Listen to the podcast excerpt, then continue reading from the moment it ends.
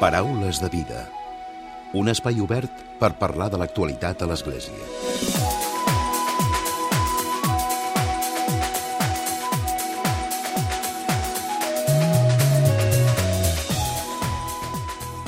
Què tal? Salutacions i molt bon dia, molt bon diumenge. Com que encara estem a l'inici d'aquest nou any, d'aquest 2021, avui us volem parlar de l'Agenda Llatinoamericana 2021, un instrument molt pràctic i solidari que enguany compleix 30 anys i que té com a lema Retorn o no retorn. És tard, però és la nostra hora. De fet, es tracta de la frase d'un dels poemes de Pere Casaldàliga, fundador juntament amb Josep Maria Vigil de l'Agenda Llatinoamericana. Enguany estem immersos en una pandèmia que arrosseguem des de l'any 2020 i l'agenda ens alerta que tot plegat pot ser un punt d'inflexió perquè canviem del context capitalista que fa servir les persones i la natura com a mercaderies. Avui en parlem, ho fem amb en Jordi Planes, ell és el membre, és membre de la Comissió Catalana de l'Agenda Llatinoamericana i amb en Jordi Pujades, coordinador d'aquesta iniciativa. De seguida els saludem. Abans, però, com sempre, us recordo que tancarem el Paraules de Vida amb un nou comentari de l'actualitat de Francesc Romeu. Comencem.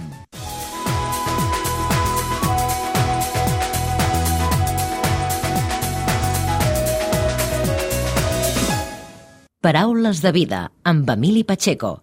Jordi Planes i Jordi Pujades, bon dia i benvinguts al Paraules de Vida. Hola, bon dia. Bon dia. Parlem d'una agenda llatinoamericana, cada any ho diem al Paraules de Vida, que és un instrument de solidaritat, oi? Sí, una història de solidaritat, però una solidaritat no només assistencial, sinó també reflexionar i actuar per incidir, ser transformadora sobre les causes que provoquen les injustícies. Eh, sí, celebrem els 30 anys. Eh? va ser l'any 1992 quan en Pere Casaldàliga i en Josep Maria Vigil, dos religiosos clardians, van tenir el bon encert de crear una eina per donar veu a les víctimes de Llatinoamèrica, sobretot, que durant 500 anys se'ls havia estat emmudint i se n'havia canviat la història.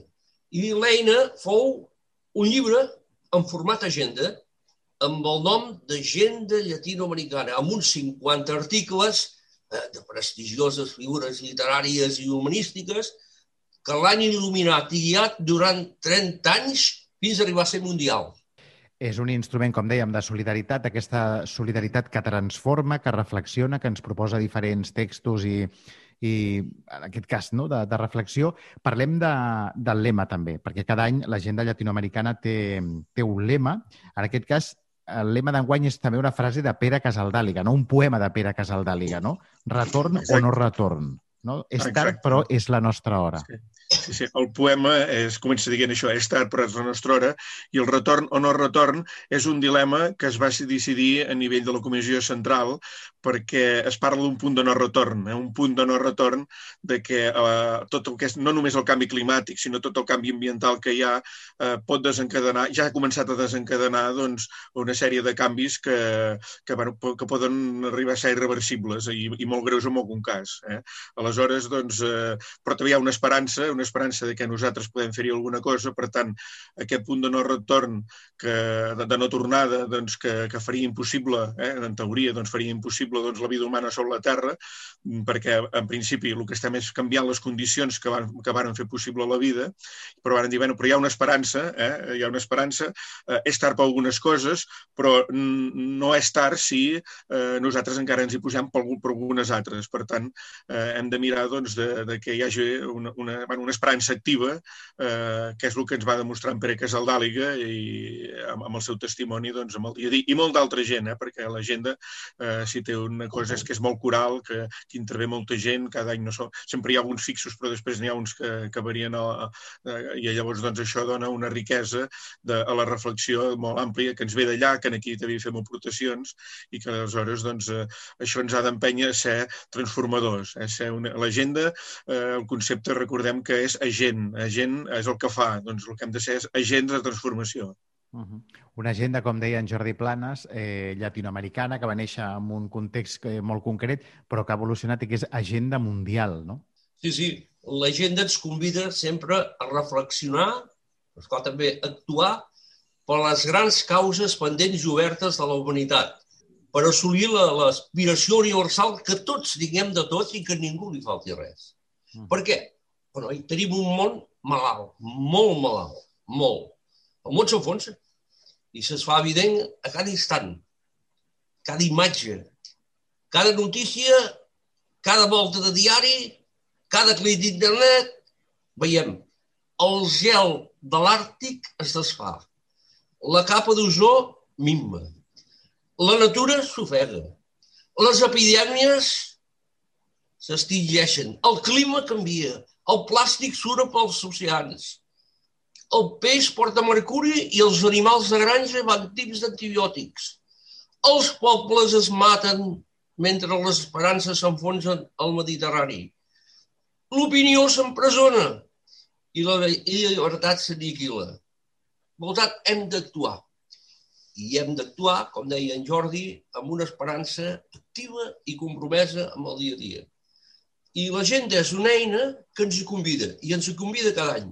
Jo crec que va ser un bon encert, perquè aquest llibre, com dèiem, de més de 50 articles, al sortir cada any, doncs eh, cada any el tema varia, tot i que sempre estem amb les quatre potes essencials, que són les causes, la causa negra, la causa indígena, la causa de gènere i la causa ecològica. I el guany, aquest llibre, aquest llibre, doncs hi trobem articles, sobretot eh, de casa nostra, Arcadi Lloberes, Terri Cabres, el Josep Maria Vigil, la Maria Pau Trainer, el Martí Boada, eh, Banda Silva, Jordi Coromines, Frei Beto... Eh, totes aquestes plumes durant tant de temps ens han il·luminat, ens han il·luminat i marcat les pautes. Per tant, aquesta eina sí, de reflexió, però que també invita a l'acció. De fet, estem en una, en una pandèmia i també l'agenda llatinoamericana fa aquesta, aquesta reflexió, no? que és com un punt d'inflexió, no? o sigui que hem de canviar aquest context que tenim, perquè el que no pot ser és que el planeta, la biodiversitat, ens carreguem la biodiversitat amb un sistema capitalista que el que busca és el guany, no? Sí, sí, bueno, mm, Pere Casal ja ho va dir fa molts anys, eh, perquè això sí que irem repetint, és que el sistema capitalista és ecocida, suïcida i genocida.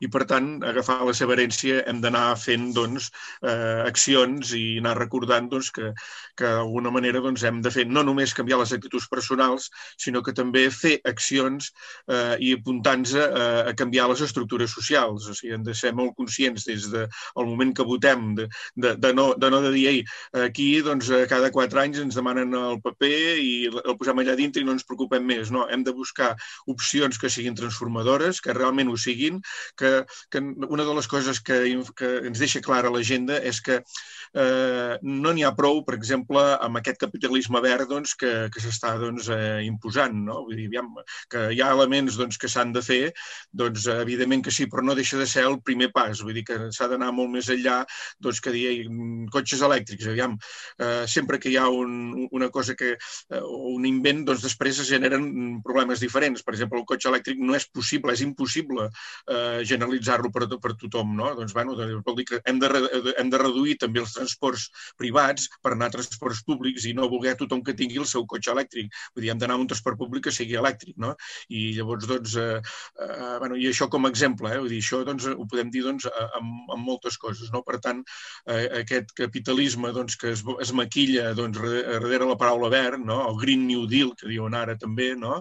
doncs eh, això hem de ser conscients de que eh, eh segurament s'ha de fer però ràpid fora, eh? i a més a més segons què no s'ha de fer tampoc. No? Vull dir, eh, el que sobretot hem de fer és a les nostres actituds i que després a nivell de governs realment és que moltes vegades que compleixin coses que estan aprovades, eh? perquè eh, s'han aprovat molts d'acords eh? des de Kyoto cap aquí que no, no s'han complert. No?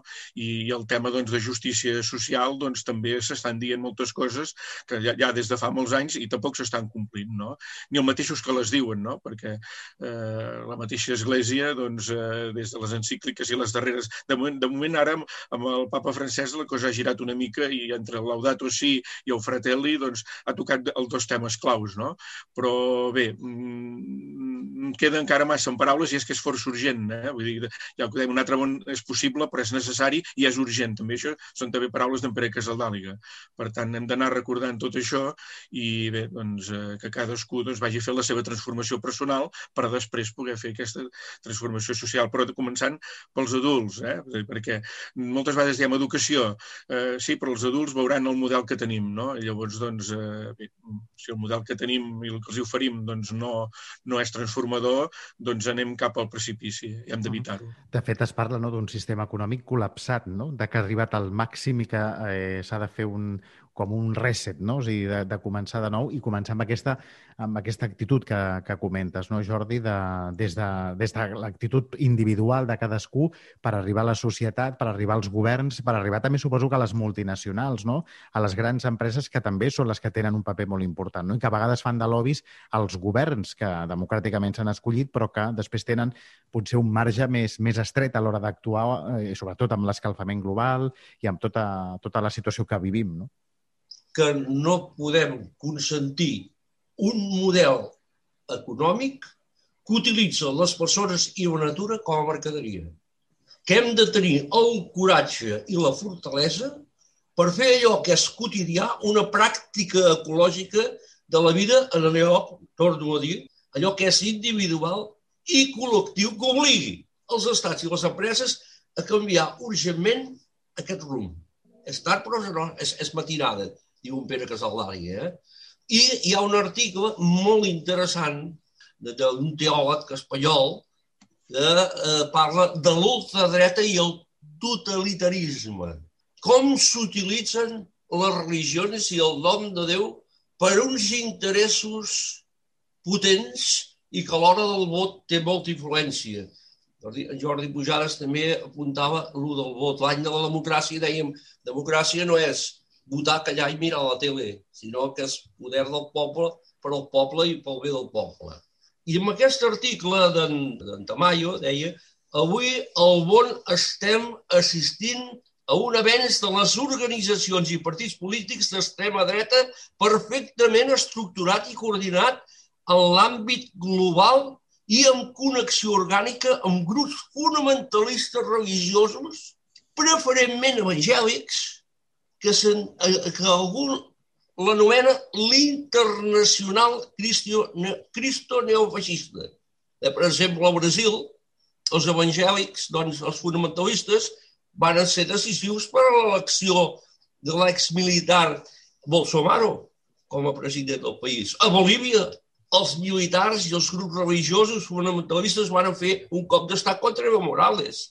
I a Espanya, hi ha una complicitat entre l'organització ultracatòlica Acteoir i el partit d'extrema dreta Vox. Aquesta orientació que diuen evangèlica no té res a veure amb el cristianisme llibrador original ni amb l'evangeli. Eh? Per tant, hem d'estar molt alerta de no deixar-nos manipular. Sí, doncs eh, el que també hauríem de deixar clar és que quan fem aquestes crítiques no estem en contra de l'evolució tecnològica que s'ha donat perquè ha portat moltes coses positives, sinó estem en contra de l'ètica del capitalisme que hi ha al darrere. O sigui, s'ha evolucionat eh, eh, tecnològicament, però èticament hem, també s'ha evolucionat. No? Hi ha drets humans que s'han aprovat col·lectivament, això és un gran avenç col·lectiu, però, és clar també s'ha de portar més a la pràctica i, i, i a tot arreu. No? Eh? Aleshores, doncs, eh, l'ètica eh, l'ètica de la vida és el que defensa doncs, la, la gent, o sigui, posar la, la vida de, de, dels éssers que, que ja hi som, no? perquè a vegades l'Església s'ocupa molt de, dels que no han nascut eh, i dels que eh, després estan morts, però eh, eh, la gent que, que està viva, que estem trepitjant la, el planeta, no? doncs, eh, en aquí doncs, aquesta ètica doncs, que, que d'alguna manera eh, és la que mm, hi ha en el fons de, de totes les creences, eh? Vull dir, la vida hi és, però a la pràctica llavors el capitalisme eh, s'ho carrega tot, s'ho està, està carregant i, i està clar que el creixement infinit que es basa al capitalisme no és, és impossible i qualsevol eh, sistema doncs, econòmic que no tingui en compte doncs, que, que s'ha de redistribuir doncs, els recursos que, que hi pot haver-hi a, a la Terra i que hem de, ens han d'entendre més bé les persones, doncs aleshores doncs, no, no, no, no tindrà futur això. No? I, I això ha quedat clar, ja hi havia gent que ho deia abans, eh, l'agenda des d'aquests 30 anys parteix d'aquest punt, no? parteix de defensar les causes que començava pel món indígena, per tant, eh, eh, ja eren el primer exemple de gent oprimida, de gent colonitzada, i s'ha ampliat doncs, que també doncs, el planeta en conjunt doncs, està superexplotat. No? Mm. Aleshores, doncs, aquí hi ha d'haver un gran canvi. Un, com dieu, un món del poble i per al poble, no?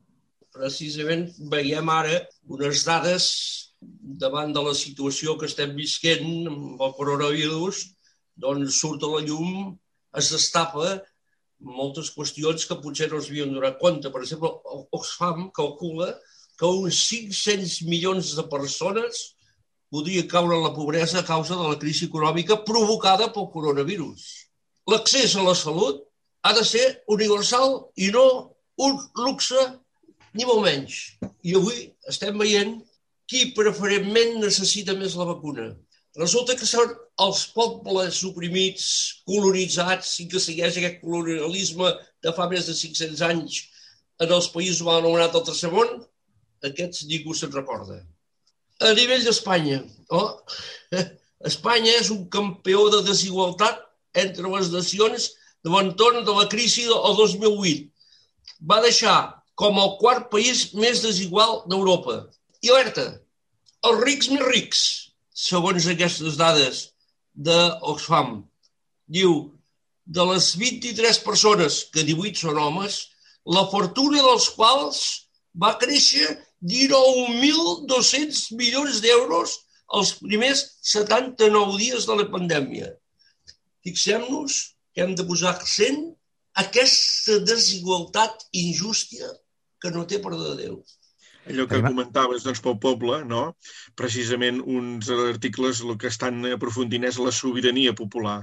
Eh? Vull dir que, que quan es parla d'això doncs, no s'ha de veure com una, com una por doncs, eh, a un sistema econòmic doncs, que pot perjudicar doncs, a tothom, que al contrari, evidentment, els, els superrics no ho han de ser. No s'ha de sobregastar més d'un planeta Terra. O sigui, aviam, en aquí el sistema de vida, eh, la petjada ecològica, també és un altre article que hi surt, doncs que hauria de ser el gran referent. Eh? Ningú ha de tenir el dret de sobrepassar el, el seu efecte eh, d'una petjada ecològica. Eh? Com diu la Iaio Herrero, eh, hem, de, hem de, de trepitjar lleugerament sobre la Terra, no, no hem de voler ja deixar una petjada, doncs, i hi ha alguns que, que ho estan fent. De fet, i ja per acabar, que ens queda poc temps, eh, 30 anys, et deia abans en, en Jordi Planes en començar, 30 anys d'agenda llatinoamericana i és una agenda que continua amb plena vigència, no? O sigui, les causes per les quals va néixer i malauradament s'han ampliat, no? O sigui, hi ha més desigualtats en el món i la situació és que necessitem aquest instrument encara any rere any, no?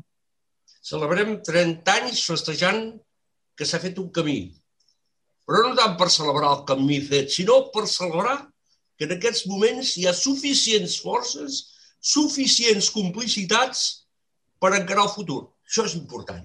Per tant, celebrar-ho sense cap confuisme. Celebrar-ho per tornar a abraçar totes les causes que la gent ens ha plantejat perquè la lluita continua. Sí, nosaltres... Un aniversari d'una eina, d'un despertador de consciències, d'un mitjà de comunicació crític en el pensament dominant, un mitjà alternatiu plural el seu enfoc dels problemes i les propostes. Sí, eh, i dic que, bueno, de fet, eh, en el fons no, ja no estem de celebració, tot i que serà tot l'any l'any de commemoració, eh, millor dir, doncs, de, de commemoració. Eh, ja estem treballant per el 2022, tot un equip de, amb la xarxa, aprofitant això, les avantatges de la tecnologia, doncs, eh, per via doncs, de via de conferències, eh, estem doncs, coordinant doncs, i la demanda d'articles doncs, ja per la de 2022. Vull dir que ja, quan s'estava fent la del 21, en, en aquest moment doncs, ja, ja hi havia demandes d'articles i ens va agafar en plena edició doncs, eh, el tema aquest que, que, que havíem de dir en els eh, autors, doncs, ei, feu esment a, a, en el tema, no? I esperem una mica, ben, però esclar, eh, els articles s'han de tancar entre abril i maig, no? Eh, depèn de si són locals o si, si tenen opció internacional, no? Però vull dir que sapigueu això, eh, que no és dir, no, no, és que estem de sinó que estem treballant ja per la del, del 22. 30 anys d'escampar tota aquesta riquesa transformadora, 30 anys de crear també recursos pedagògics per la sensibilització per l'educació. Per què? Perquè hem de baixar el pes. Un article, una agenda, pot... però aquí en la web hi trobareu eh, tots els recursos pedagògics, tota l'agenda d'aquest any, castellana, castellà, catalana i de tots els altres anys, amb els tres idiomes. tots els articles, llatinoamericana.org. Doncs gràcies, Jordi Planes, Jordi Pujades, gràcies per, per haver-nos acompanyat, per haver-nos acostat a aquesta agenda llatinoamericana, que de fet també, us ho volia preguntar al principi i ja ho oblidava abans d'acabar, eh, una agenda també especial, no?, amb la mort recent de Pere Casaldàliga, no? Sí, sí, bueno, aquest seria el punt de dol, és el punt de, de, de dol que tenim aquest any, però bé, eh, tot el que ens ha deixat escrit i vist i... El seu i llegat, no? Exacte, tot el seu llegat ens empeny. Mm -hmm. Doncs gràcies a, a tots dos. Gràcies a vosaltres. Bon dia. Paraules de vida. L'Església dia a dia. I tot seguit, i com sempre abans d'acabar el Paraules de Vida, arriba el comentari de l'actualitat de Francesc Romeu. Francesc, molt bon dia. Molt bon dia a tothom. Dintre de poc més de dues hores s'aniran constituint les meses electorals arreu de Catalunya i dintre de poc més de tres hores començaran les eleccions del 2021 al Parlament de Catalunya. Vagi ja d'entrada el nostre agraïment a tots aquells que avui treballaran perquè aquesta jornada electoral es pugui realitzar amb total normalitat i, sobretot, per aquells que vetllaran per la salut dels votants. Aquesta vegada, els bisbes de Catalunya no han fet cap nota informativa expressant la seva voluntat o preocupació davant dels comicis. Aquest fet pot ser interpretat ja com un signe d'una certa maduresa democràtica, atès que les seves recomanacions, en els darrers textos, eren sempre les mateixes dues. Primera, una crida a la participació, entesa com aquella obligació que té tothom de respondre a qualsevol demanda quan se li consulta, i segona, una crida a la responsabilitat, és a dir, a saber escollir aquella proposta política que més se diu a les necessitats del bé comú i pensant sobretot en aquells més vulnerables, tot vetllant per la pau i la bona convivència. Mai els nostres bisbes s'han inclinat per cap candidatura política concreta. Tampoc ho farem nosaltres i menys avui, que no es pot fer. El que sí que podem fer és pensar en el demà i en aquells que sortiran escollits després d'aquestes eleccions i començar a ensenyar-los la feina que han de desenvolupar pel bé del nostre país i de tota la ciutadania. Amb aquesta voluntat, les entitats del sector social dels jesuïtes de, a Catalunya, que acullen, atenen i acompanyen més de 15.000 persones en situació de pobresa, precarietat i exclusió, a través de 45 projectes ubicats a les ciutats de Badalona, Barcelona, l'Hospitalet de Llobregat i Lleida, han fet públiques una sèrie de propostes força interessants davant les eleccions. El text recorda que, com ja s'ha anat veient els darrers mesos, que la crisi sanitària, social i econòmica tindrà les seves pitjors conseqüències en aquells col·lectius més vulnerabilitzats, infants, migrants en situació administrativa irregular o persones en situació de sensellerisme, entre d'altres, i denuncien que no se'ls ha tingut present en moltes de les decisions preses per les autoritats sanitàries i polítiques. Les propostes que es recullen en aquest document s'articulen al voltant de tres eixos. Serveis socials, habitatge i migració. Primer, cal enfortir el sistema de protecció social i garantir la seva universalitat.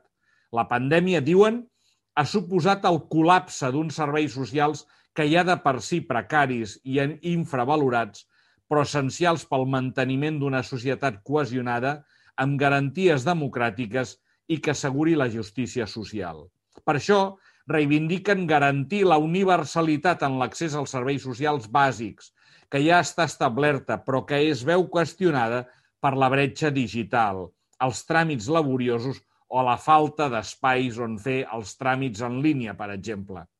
Consideren fonamental també oferir una atenció presencial digna i de qualitat, evitar les duplicitats d'informació per millorar l'eficiència i enfortir el sistema de prevenció en el marc dels plans de desenvolupament comunitari.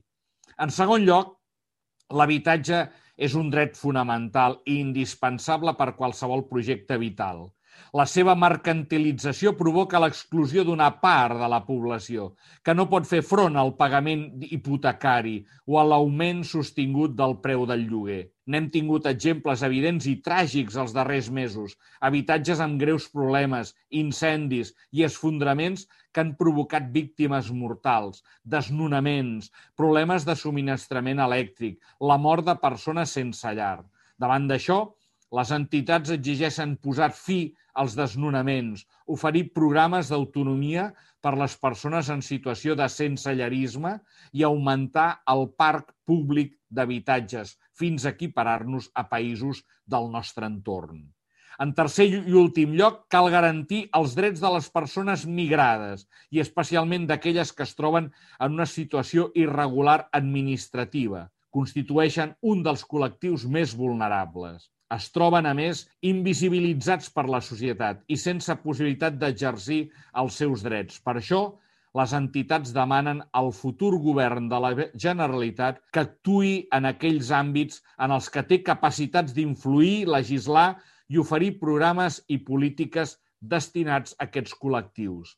Reclamen accions per facilitar els processos d'inserció laboral i d'obtenció dels permisos de residència. Per tant, aneu a votar i molt bon diumenge a tothom.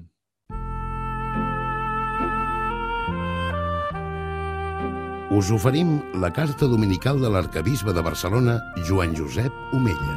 Déu vos guard. La gran crisi sanitària de la Covid-19 s'ha convertit en un fenomen multisectorial i mundial que agreuja diferents crisis fortament interrelacionades, com la climàtica, l'econòmica, la migratòria i també l'alimentària. Així, aquest 14 de febrer, lamentem haver de commemorar un any més una jornada contra la fam al món, una jornada en què les xifres i estadístiques ens sacsejaran i entrestiran, una jornada en què no comprendrem per què encara al segle XXI hi ha fam al món. La fam, com la set o el fred, és una sensació indesitjable que afortunadament molts de nosaltres no hem patit mai, encara que de vegades diem em moro de gana. Ho diem sense ser conscients que moltes persones al món no ho diuen, però sí que moren de fam. Hi ha 815 milions de persones al món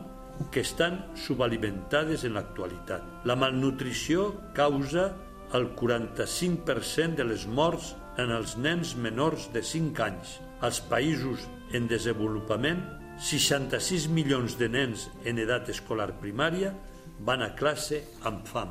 En dies com aquest, en què la fam és protagonista, ens venen al cap imatges dels nens d'Àfrica famèlics amb els ventres inflats. Entre aquestes llunyanes imatges colpidores i el rosec a l'estómac quan s'acosta l'hora de dinar, hi ha realitats intermèdies molt més properes en què la gana és present i afecta moltes famílies. Hi ha moltes persones prop nostre que pateixen fam. En la vigília de Nadal vaig visitar la parròquia de Sant Agustí de Barcelona, on cada any se celebra un dinar que ofereix un plat calent a molts veïns en situació d'exclusió social. Enguany, com a conseqüència de la pandèmia, les germanes missioneres de la Caritat de la Mare Teresa de Calcuta i les desenes de voluntaris que les acompanyaven van substituir aquest tradicional àpat de Nadal per la distribució de centenars de bosses de menjar. De fet, la terrible crisi sanitària que patim no ha fet més que agreujar els dèficits i les mancances que ja observàvem abans que el virus entrés en les nostres vides. Alimentar-se és un dret, però per a moltes persones és un veritable luxe. El papa francès no amaga la decepció que li causa observar el món ple de desigualtats entre països que neden en abundància i d'altres que s'ofeguen en la misèria. I els retreu que de la fam tots en som responsables. El papa creu que per a la humanitat la fam no és només una tragèdia, sinó una vergonya. Acabar amb la fam i la pobresa és precisament l'objectiu de Mans Unides, una institució de l'Església que treballa en molts països del món en projectes de desenvolupament i aquest també és l'objectiu que recull el nostre pla pastoral diocesà Opció pels pobres. Benvolguts germans i germanes, us animo a col·laborar en la col·lecta de la 62a campanya de Mans Unides amb el lema Contagia solidaritat per acabar amb la fam que avui es fa a totes les parròquies i centres de culte de la nostra diòcesi. Entre tots contribuïm a erradicar la fam al món. Gràcies, benvolguts amics de Mans Unides, pel vostre compromís i per recordar-nos que hi ha germans nostres que ens necessiten. Us hem ofert la carta dominical de l'arcabisbe de Barcelona, Joan Josep Omella.